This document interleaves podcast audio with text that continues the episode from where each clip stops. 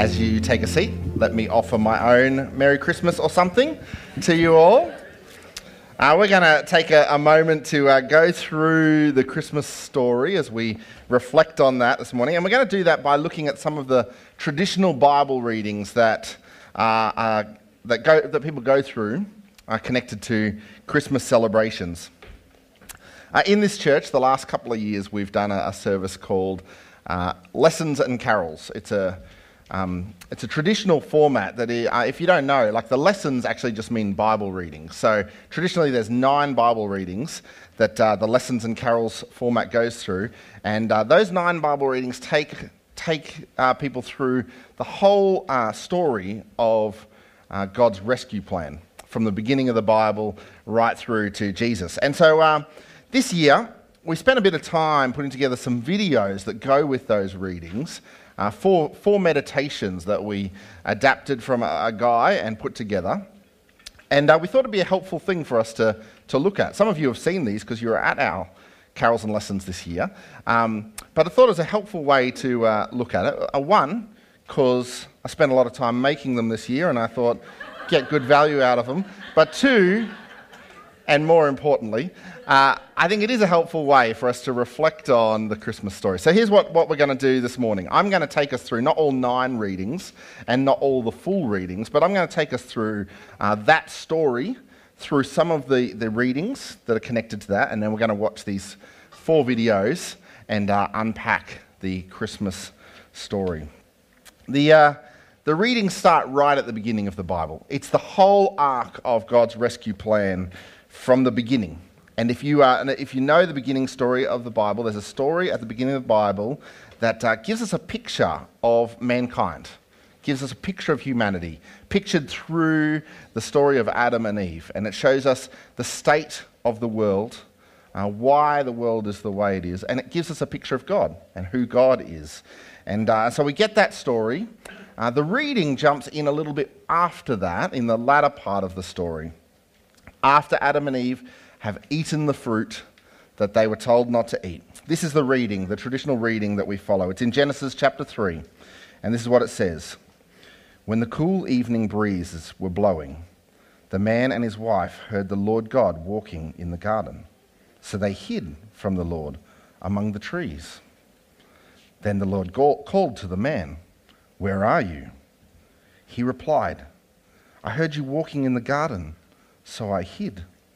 I was afraid because I was naked. Then God asked the strangest question of all Who told you you were naked? The Lord God asked, Have you eaten from the tree whose fruit I commanded you not to eat? Then man takes the, the all time lowest point of mankind in history. He says, It was the woman you gave me who gave me the fruit, and I ate it. Eve, of course, follows that pattern. Then the Lord asked the woman, What have you done? The serpent deceived me. She replied, That's why I ate it. Then the Lord God said to the serpent, Because you have done this, you are cursed more than all the animals, domestic and wild. You will crawl on your belly, groveling in the dust as long as you live. And I will cause hostility between you and the woman, and between your offspring and hers and then God adds this little prophecy here. He says, He will strike your head, and you will strike his heel. Our story begins with a moment of glory, but it is only a moment. In the cool of early evening, God went walking in the garden. It's a fleeting picture of a time we've never known a time of perfect communion with the God who made us, a time of freedom, beauty, and glory. God went walking in the garden seeking his people, but they were nowhere to be found. They were hiding, naked, ashamed, and afraid, for the one thing they'd been warned of, the one fruit they had been told not to eat, had proven too great a temptation. They had eaten and in that moment of choosing their will over God's, they chose exile over communion. They chose to take rather than receive. They chose instant gratification over eternal glory. From the moment he set foot in the garden that day, God sensed their shame. He felt their fear. He was pained by their rebellion, and he hung his head in sadness. For the necessary consequence of their actions was exile, death, and labor in fields and childbirth. Out of the dust he had made them, filling them with the breath of his very own mouth. Now, dust they would return.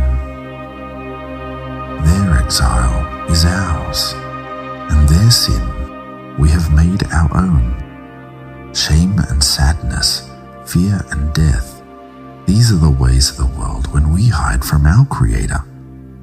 What begins in glory descends swiftly into tragedy, and we are left to wonder what can God do? While that question hangs, we move forward in the Bible story. Uh, God's people are homeless for quite some time as we follow the narrative of the story, and eventually we meet a man called Abraham. And Abraham lives his life uh, as a, a, no, a nomadic man, he moves around quite a bit, but God calls Abraham, and we get a particular interaction between Abraham and God. And God gives Abraham these incredible promises as he looks to the future and to the redemptive story. And in that story, as God gives his promises, there comes a point where God tests Abraham, calls him to obey him. He takes him up to a mountain, Mount Moriah, and, uh, and he tests him there. And Abraham proves himself to be faithful. And so then we get this next reading. It's uh, from Genesis chapter 22 with uh, an angel of the Lord speaking to Abraham. This is what it says Then the angel of the Lord called again to Abraham from heaven. This is what the Lord says Because you have obeyed me, and you have not held even your son, your only son, I swear by my own name that I will certainly bless you. I will multiply your descendants beyond number, like the stars in the sky and the sand on the seashore.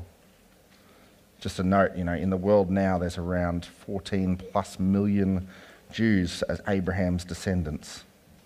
He says, Your descendants will conquer cities of their enemies. And then the angel gives this important promise about a particular descendant. It says, And through your descendants, all the nations of the earth will be blessed, all because you have obeyed me.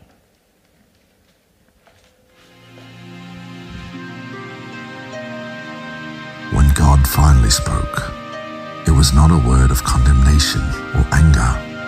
It was a word of promise and hope, spoken to a man living in exile and walking in the way of sin. Abraham was a child of Ur, the city of idols, and yet God came to him. He came and called, and Abraham answered.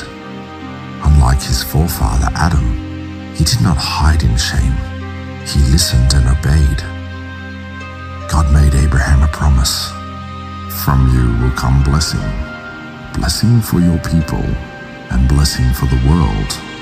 You will father a great nation, and through that nation all nations will find their hope in me. Abraham believed and obeyed. He fathered Isaac. Isaac fathered Jacob. And Jacob fathered twelve men who would become the twelve tribes of Israel, a people of prophets and kings, carrying God's blessing to a world shrouded in darkness.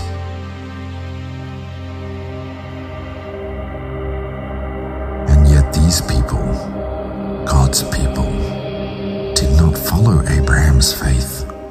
They faltered, they fell. Moments of faithful obedience were followed by centuries of arrogance and rebellion. The people could not keep their promises, but God was keeping his. The prophet spoke, and in the heart of darkness there glimmered a distant light, a child would be born. A son of David would sit on the throne. He would be called the Peace Bringer, Counselor of Wonders, God Almighty. Could it be that once again God would walk his garden path? Will God call his people home?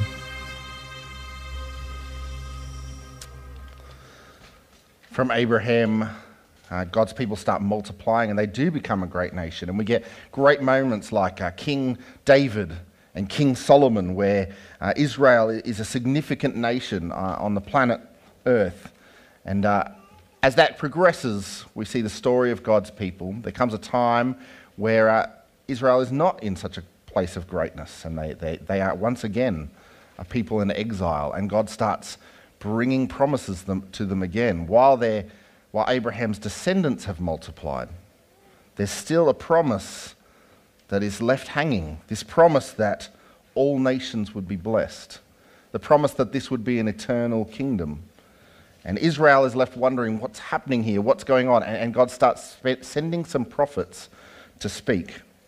One of those prophets is the prophet Isaiah. Uh, Isaiah lived around 700 years before Jesus. And uh, in fact, one of the oldest manuscripts we have, one of the oldest manuscripts in the world, is from the prophet Isaiah, which is dated to at least 100 years before Jesus uh, was born. And Isaiah speaks of the coming one. There's a number of prophecies. These are, these are some of the ones that are traditional readings. This is Isaiah chapter 9. The people who walk in darkness will see a great light. For those who live in a land of deep darkness, a light will shine. For unto us a child is born, to us a son is given, and the government shall be on his shoulders, and his name will be called Wonderful, Counselor, Mighty God, Everlasting Father, Prince of Peace. Once again, in Isaiah 11, there's a prophecy about the one that is coming. That he will be a descendant of not just Abraham, but a descendant of David. Out of the stump of David's family, his father Jesse, will grow a shoot. Yes, a new branch bearing fruit from the old shoot. And so we have these glimpses of the prophecy through guys like Isaiah and other prophets. But after Isaiah, after the other prophets, there's about 400 years in the Bible story where there is nothing. There seems to be no prophets, no messages. And then we come to the New Testament and we start to see this unfold. This is the traditional reading from Luke chapter 1. God sent the angel Gabriel to Nazareth, a village in Galilee, to a young woman named Mary. She was engaged to be married to a man named Joseph, a descendant of King David. Don't be afraid, Mary, the angel told her, for you have found favor with God. You will conceive and give birth to a son, and you will name him Jesus. He will be very great and will be called Son of the Most High. The Lord God will give him the throne of his ancestor David, and he will reign over the house of over, over Israel forever. His kingdom will never end.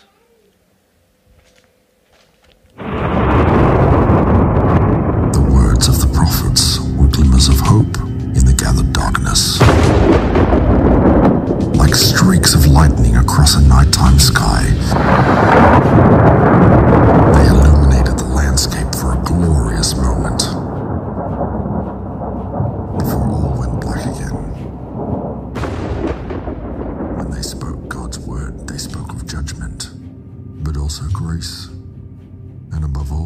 hope.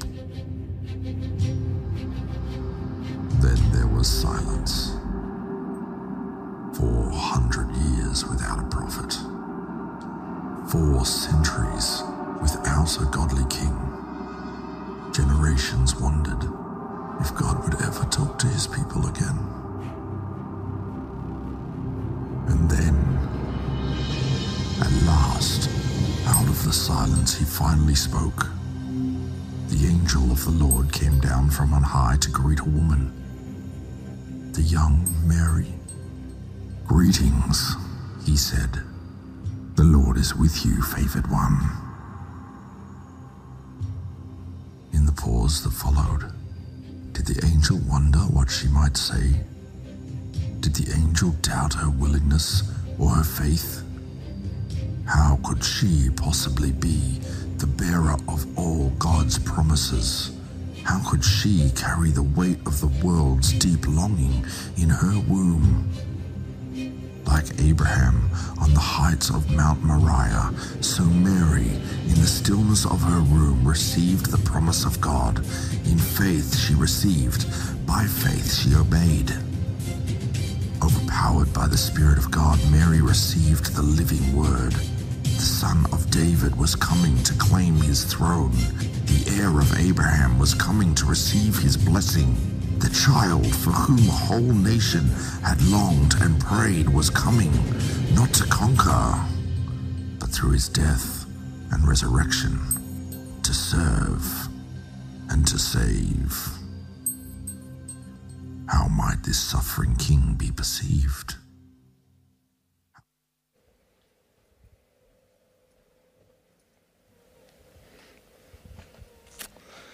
As we're left with those hanging questions, we enter what is more traditional, more known as the, the readings of Christmas. We get some of the stories of the birth of Jesus. We get this one from Luke chapter 2 with the shepherds. That night there were shepherds staying in the fields nearby, guarding their flocks of sheep. Suddenly, an angel of the Lord appeared among them, and the radiance of the Lord's glory surrounded them. They were terrified. But the angel reassured them. Do not be afraid, he said. I bring you good news that will bring great joy to all people. The Saviour, yes, the Messiah, the Lord, has been born today in Bethlehem, the city of David. Further on, we get the story of some wise men who have travelled. In Matthew chapter 2, we read Jesus was born in Bethlehem in Judea during the, during the reign of King Herod. About that time, some wise men from the east lands arrived in Jerusalem. When they saw the star, they were filled with joy. They entered the house and saw the child with his mother, Mary, and they bowed down and worshipped him.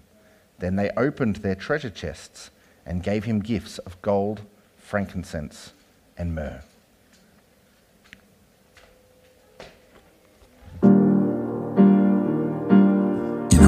Makeshift nursery, the child of promise was finally born. Here was Abraham's distant star. Here was Jesse's branch. Here was David's son. In the darkness of the fields, the sky erupted with the cries of glory from an army of angels.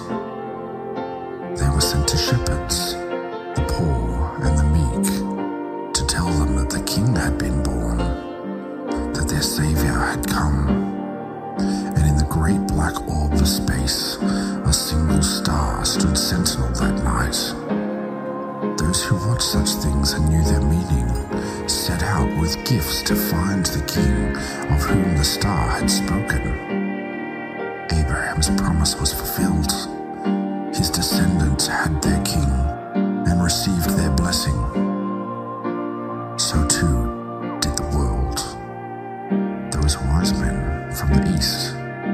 First of us, not born of Abraham, to worship the one true king who reigns over the world. We follow them to Bethlehem, and there we find our joy. In that child, born in weakness, came all the power of God. The might of Caesar, so far reaching, was made pathetic at the sound of his first cry. God was back among his people, soon to walk with them again. The King has come. The promises have been kept. The curse is lifted,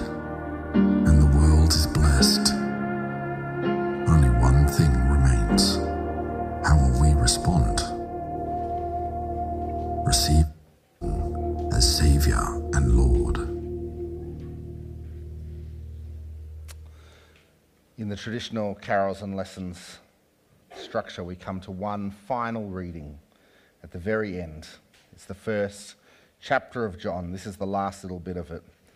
It says, John chapter 1, verse 10 He came into the very world he created, but the world didn't recognize him. He came to his own people, and even they rejected him. But to all who believed him and accepted him, he gave the right to become children of God. This is the story arc of the Bible.